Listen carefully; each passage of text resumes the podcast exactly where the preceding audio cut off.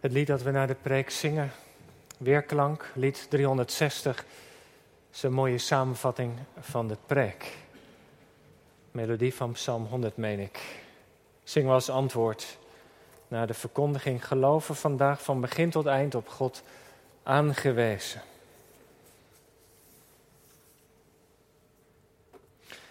Gemeente van de Jezus Christus.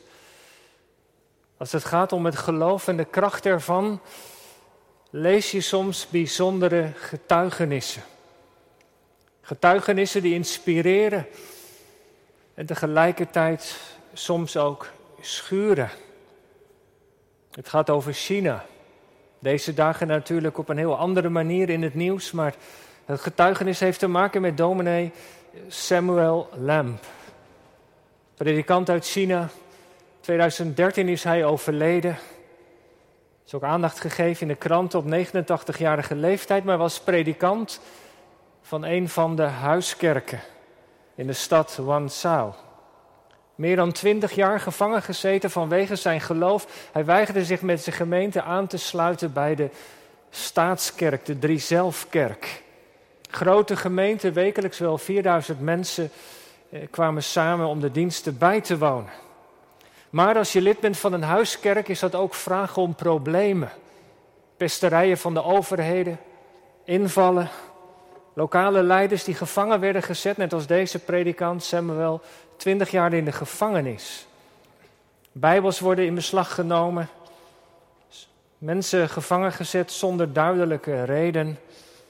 Op een of andere manier probeert de regering deze kerken klein te houden. Maar het verhaal gaat dat deze dominee, Samuel, een heel kort gebed had. Dat hij elke keer weer bad als er moeilijke omstandigheden waren. Dan bad hij dit gebed. Heren, ik verheug me erop hoe u dit gaat oplossen. Heren, ik verheug me op om te zien hoe u dit gaat oplossen. Een heel kort gebed. Maar ja, uit dat gebed spreekt wel heel veel geloof en vertrouwen. En al die dingen die er in de gemeente gebeurden en alles wat er was, vertrouwde hij op de macht van God. Die dat werk van zijn handen niet zou laten vaarden. Ik vertrouw erop, Heere God. Ik zie er naar uit hoe we dit gaat uitwerken, hoe we dit gaat oplossen. Want wat is geloven eigenlijk anders dan vertrouwen? Vertrouwen hebben in de macht en de trouw van God. En zo zijn er vele getuigenissen als je naar de dag van open doors gaat, als je het krantje leest, zijn er vele andere aan toe te voegen. En ze zijn ontroerend, ze zijn mooi, ze inspireren. Maar als u een beetje lijkt op mij, dan schuren ze soms ook. Want zou deze dominee nou altijd zo vol vertrouwen zijn geweest? Die twintig jaar in de gevangenis, heeft hij nou nooit eens een keer getwijfeld? Zal de twijfel niet eens hebben toegeslagen van Heere God, maar u bent zo machtig en waarom dit, waarom dat? Wat doe je als je op een dag wakker wordt en je hebt geen vertrouwen? Misschien herkennen wij ons wel meer in voorbeelden van mensen die worstelen die de Heer Jezus volgen met vallen en opstaan. En deze mensen van de volgende Heer, die staan zo op een voetstuk, vaak onbereikbaar.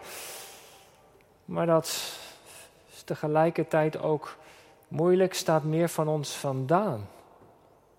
We herkennen meer in mensen die gewoon zijn en onder ons, die misschien ook een getuigenis een keer vertellen met vallen en opstaan. Zulke soort getuigenissen maken ons alleen maar moedelozer, of niet? Vanavond gaat het over Abraham en over geloof. En we lazen in, in Genesis 15 dat van Abraham gezegd wordt aan het slot, vers 6, wil ik even onderstrepen vanmiddag. En hij geloofde in de Heer. Het Hebreeuwse woordje mag je, emuna mag je ook vertalen, en hij vertrouwde op de Heer. Dat zinnetje staat vanmiddag centraal. Want wat is daarmee eigenlijk gezegd? Stemde hij in met wat de Heer tegen hem had gezegd? Nam hij de woorden voor waarde aan? Of zat er bij Abraham op dit moment ook echt dat volle geloofsvertrouwen, die overgave? Heere God, als u dat zegt, dan is het goed. Laat u maar zien, heren, hoe u dat gaat uitwerken. Ik vertrouw op u. Welke betekenis heeft geloof hier eigenlijk? Ik had een herinnering. Op catechisatie vroeger moest je leren dat er verschillende soorten geloof zijn. Misschien weet u dat nog wel. Van de week spraken we op de ouderenkring in Gouwenstein daar ook met elkaar eens even over. Daar herkenden ze het wel. Ik moest leren dat je vroeger een tijdgeloof had, een wondergeloof, een historisch geloof. En dan had je ook nog waarzaligmakend geloof. Herkent u dat nog? Herken je dat nog? Tijdgeloof, dat je voor een tijdje geloof hecht aan de woorden van God. Maar dat je daarna ja, daar, daar, daar weer aan voorbij leeft. Of een wondergeloof, dat je de Heere God vooral nodig hebt voor een wonder. Je hebt een probleem, je gaat ermee naar de Heer Jezus toe. En als Hij dan antwoord geeft, dan ga je je weg weer verder zonder Hem. Of dan had je ook nog historisch geloof dat je instemt met de waarheid van het evangelie. Dat je gelooft dat God bestaat, dat er in Jezus gestorven is en opgestaan. Soms wordt is beleidenis doen in de kerk instemmen met wat in de kerk wordt geleerd. Beleidenis van het geloof. Niet zozeer nog persoonlijk geloof. En dan had je ook nog waarzaligmakend geloof. Dat was natuurlijk het echte geloof. Door de geest in het hart gewerkt. Had je berouw van je zonde en de Heere hartelijk lief. En dat onderscheid is, was dan ook bedoeld om mensen te helpen. Maar ik hoorde wel terug op de oudere kring dat heel veel mensen daar vroeger ook wel mee hebben geworsteld. Want het werpt jezelf natuurlijk ook, of werpt mensen ook wel terug op zichzelf. Dat je bij jezelf gaat kijken of er wel vrucht is, of er enige voortgang is in de genade. En de essentie van het geloof is nou juist niet dat je in jezelf gaat zitten vroeten, maar dat je opziet naar God, dat, dat je van jezelf afziet. Toch? Het object van het geloof, dat is de Heere God. Dat zijn zijn beloften. En ik dacht, het zou het nou helpen als we die vragen zomaar eens neerleggen naast vers 6. En Abraham geloofde, was dat nou een tijdgeloof? Nou ja, van tijd tot tijd geloofde Abraham. Waren momenten dat hij twijfelde. Was het een wondergeloof? Nou ja, hij had natuurlijk echt wel een wonder nodig, want zijn vrouw was onvruchtbaar. Of was hier het echte geloofsvertrouwen waar het ja, de Heer om te doen is? Abraham heeft op dit moment nog niet zo last van zijn zonde, denk ik. Daar lezen we nog niet zoveel over. Nou ja, laten we het onderscheid maar even liggen. Laten we maar gewoon de Bijbel samen goed gaan lezen. Misschien ontdekken we het dan wel. Genesis 15 brengt ons naar een periode uit het leven van Abraham. U weet het. Hij is door de Heere God geroepen uit de Ur der Hij heeft een stem gehoord. Hij is die stem gevolgd op weg naar het beloofde land. God had hem uitgekozen. Zal je tot een vader van veel volken maken. Krijgt een land, een zoon. De God had heel veel belofte aan Abraham gegeven. Had een stem gehoord en was op pad gegaan. En als je dan zo de hoofdstukken verder doorbladert. Dan gebeurt er ook wel van alles. Dan komt hij in Canaan aan, is er hongersnood, moet hij vluchten naar Egypte, wordt zijn vrouw gevangen genomen. Nee, dat is niet mijn vrouw, dat is mijn zuster. Dan raakt de scheiding met Lot. Dan wordt Lot gevangen.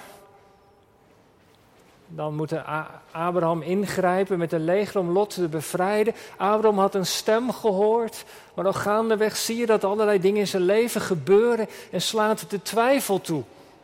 En zo vinden we hem in Genesis 15. Hij heeft een stem gehoord en zijn woorden naar hem gesproken. Maar hoe zal dat nou gaan gebeuren? Zal God ook echt doen wat hij heeft beloofd? Sarah is onvruchtbaar.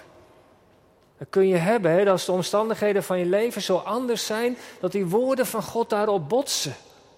En dat je zomaar ook eraan kunt gaan twijfelen. Niks menselijks is Abraham vreemd. Maar wat doet God? Hoe gaat hij met deze twijfelende Abraham om? Nou, eigenlijk heel bijzonder. Abraham krijgt een visioen. Vers 1. Het woord van de Heere komt tot hem, vers 4. En we lezen uiteindelijk dat God zelf naar Abraham toekomt. In die paar versen vinden we zulke mooie dingen over het geloof. Drie dingen wil ik onderstrepen als het gaat over geloof. En het eerste is dit. Geloof, vertrouwen ontstaat in een persoonlijke ontmoeting met God. Dat is het eerste. Want dat zien we hier gebeuren. Abraham heeft die bange twijfel, die bange, bange vraag. Heren, hoe zult u dat nou gaan doen? Ik heb geen kinderen. Hoe kan ik nou een vader worden van een groot volk? Dat kan helemaal niet. Hij zit gevangen in zijn eigen denkwereld. Maar wat doet God? God zoekt hem op. Dat is bijzonder. Die twijfelende Abraham, God gaat naar hem toe. En dat is belangrijk. Dat is belangrijk voor het tot geloof komen. Je zou kunnen zeggen, geloof ontstaat in een persoonlijke ontmoeting met de Heere God. Een gelovige is iemand die zo'n ontmoeting heeft gehad. Abraham hier. Maar als je de Bijbel doorbladert, zie je dat elke keer weer gebeuren. Dat God naar mensen toe gaat, dat Hij ze ontmoet, dat Hij gemeenschap zoekt. Dat mensen een ontmoeting hebben met Hem. Tot in het Nieuwe Testament toe zie je dat de Heer Jezus naar mensen omgaat. Heden moet ik in uw huis zijn. Hij zoekt mensen op. De kern van het christelijk geloof is niet een leer, dat is niet een verzameling dogma's alleen, maar in het hart staat een persoon. De Heer Jezus. En de Heer Jezus leeft. En hij zoekt mensen op. Heel persoonlijk. En geloven, dat is de band die dan ontstaat in die ontmoeting. Dat je dingen hoort en dat je die God die naar je toe komt gaat vertrouwen. Dat is wat er hier gebeurt bij Abraham. Is dat waar? Dat geloven ontstaat in een persoonlijke ontmoeting, dat kan toch helemaal niet?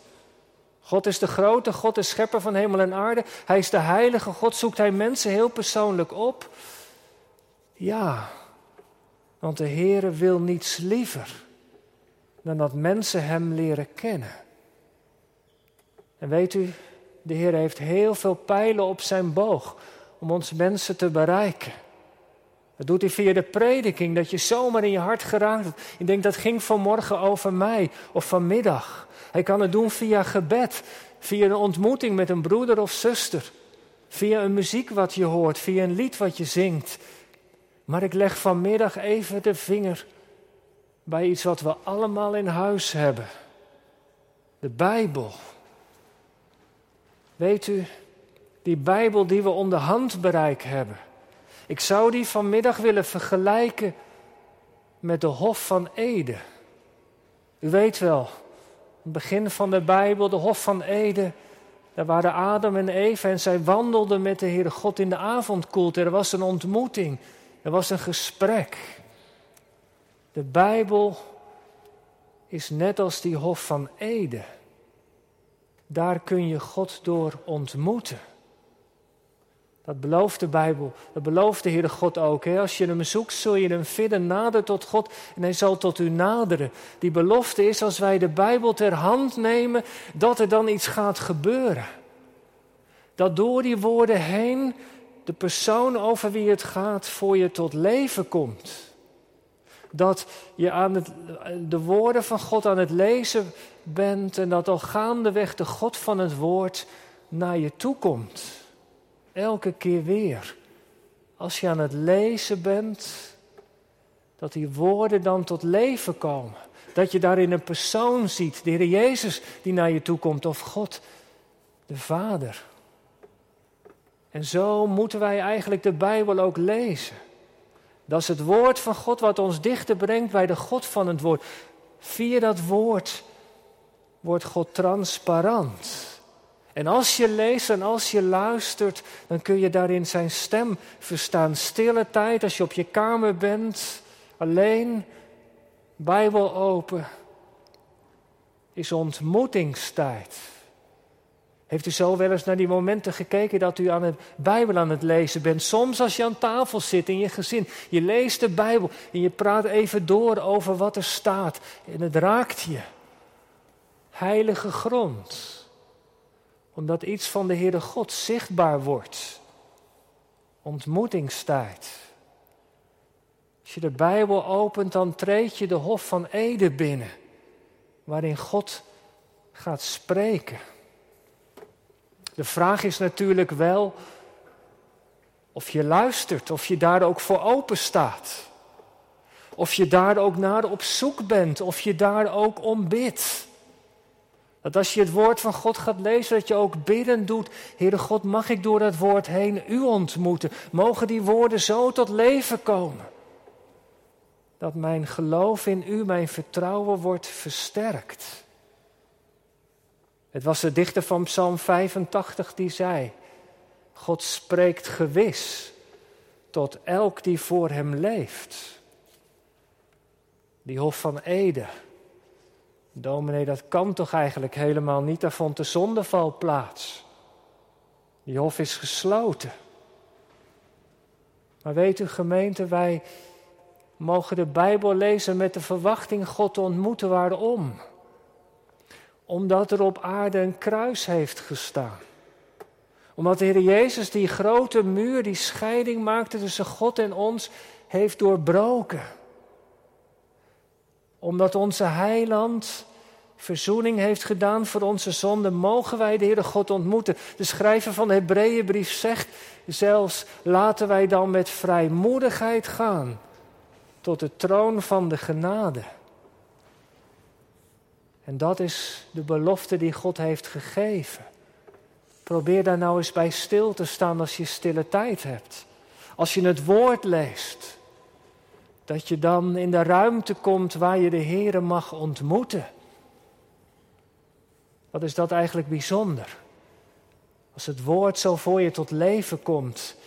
Maar één ding is zeker, als je het dicht laat, dan mis je die gelegenheid. Anne van der Bijl van Open Doors, die, die zei altijd, hij zegt, als je God in de morgen niet zoekt, dan zul je hem later op de dag niet of nauwelijks tegenkomen. ik weet wel, de Heere God is natuurlijk vrij machtig, hij kan ons altijd ontmoeten. Maar ik denk dat hij doelde op die grondhouding. Wie verwachtingsvol leest, zal merken dat die woorden tot leven komen. Dat de Heilige Geest erin meekomt. Dat het wordt tot een ontmoeting. Net zoals Abraham, wel een beetje anders misschien. Dat is nog voor de komst van de Heer Jezus, maar toch, het is dezelfde God die zich laat ontmoeten. En God kwam naar Abraham toe. Hij is zich gevangen in zijn twijfel. En als God niet naar hem toe was gekomen, was er niks in zijn leven veranderd. Maar God ziet naar mensen om die gevangen zitten, die er zelf niet uitkomen. En in die ontmoeting gebeurt het. En dan het tweede wat opvalt. Geloof ontstaat in de ontmoeting met de Heere God. En het tweede, het geloof vindt houvast in de belofte van God. Wat doet God? Hij zoekt Abraham niet alleen op, maar hij neemt hem mee naar buiten. Dat is wel een mooie, wel een mooi gebaar. Hij haalt Abraham weg waar hij zit. Met zijn gedachten en met zijn twijfels. En hij neemt hem mee naar buiten en hij richt de blik naar het grote universum, naar die sterren. Zie je die sterren, Abraham? Ja, heren, die zie ik. Wil je ze voor me tellen? Nee, heren, dat kan ik niet. Dat is onbegonnen werk. Zo groot zal je nageslacht zijn, zegt God. En wat doet de Heer hier? Hij komt naar Abraham toe met een belofte. Die belofte is er eerst. God zegt tegen Abraham: Jij komt er niet uit, maar ik zal. Ik zal mijn belofte gestand doen. Abraham denkt aan zijn eigen mogelijkheden, die zijn beperkt. Zijn vrouw is onvruchtbaar, het lukt niet samen. Maar Abraham moet niet zien op zichzelf. Hij moet juist leren van zichzelf af te zien op God. De God die hem heeft geroepen. De God die de belofte heeft gegeven. Abraham zal een vader worden van vele volken. Uit hem zal zelfs de Messias geboren worden. Maar dat is dus de kern. Als God naar mensen omziet, als hij je ontmoet, dan is daar die belofte van God. De reformator Calvijn zei over, de, over deze ontmoeting dat de Heere God, als Hij naar ons toekomt, allereerst naar ons toekomt als de belovende God. En die beloften vloeien voort, zegt hij, uit zijn vrije liefde. Dat is mooi gezegd. Als je bezig bent met het woord en de belofte van God leert te spellen. De belofte die de Heilige Geest voor je laat oplichten. En al die omstandigheden van je leven waar je zelf niet uitkomt, maar dat de Geest zegt: lees nog eens goed. Hier staat het toch: ik zal. Ik zal je niet begeven. Ik zal je niet verlaten. Ik zal met je zijn in de benauwdheid. Ik zal je er doorheen helpen. Ik zal met je zijn alle dagen. Ik zal mijn werk in jouw leven voltooien. Ik weet niet of u daar de gewoonte van heeft gemaakt, maar onderstreept u wel eens vers in de Bijbel? Die belofte die God heeft geschreven, gezegd, heeft u die ook wel eens onderstreept? Kent u Bijbelteksten uit uw hoofd, of jij? Zijn er bepaalde woorden van God die je uit je hoofd kent? Ik las van Dimitri. Hij werd in een gevangenkamp, strafkamp in Siberië geplaatst omwille van zijn geloof. En zelfs zijn Bijbel werd hem afgepakt en het enige dat hij nog had was een notitieboekje. En een pen of een potlood. En weet u wat hij deed? In het notitieboekje begon hij alle Bijbelteksten op te schrijven die hij zich uit zijn hoofd herinnerde. Allemaal beloften van God die hij had geleerd. En zo heeft hij het twintig jaar volgehouden. Deze week in Visie staat er een interview met Peter Jacek. Hij was gevangen in een cel met IS-strijders van de organisatie The Voice of Martyrs. Ontroerend verhaal over de kracht van de woorden van God, moeilijke omstandigheden. Gemeente, als wij nou eens in zo'n omstandigheid zouden komen en we hebben slechts één notitieboekje. Hoeveel woorden van God, hoeveel beloften. Hoeveel Bijbelteksten zou u dan kunnen opschrijven uit uw hoofd? jij, hoeveel woorden ken je? Heb je al geleerd? Zou je bladzijden vol kunnen schrijven of blijft het bij één bladzijde beperkt? Ik weet het natuurlijk niet, maar die woorden van God zijn zo belangrijk. Die belofte die God aan Abraham geeft, daar hangt zijn leven aan vast. Het, zijn de knijpers aan de waslijn. Het zijn die beloften van God die structuur gaven aan zijn leven. En het derde, wat doen die beloften? Die voeden het vertrouwen.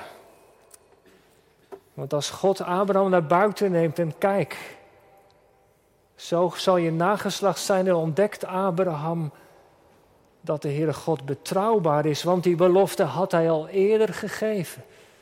Ze worden herhaald. Zo zal ik. Abraham ziet het, ik zal van God. En dan geeft hij zich aan God over.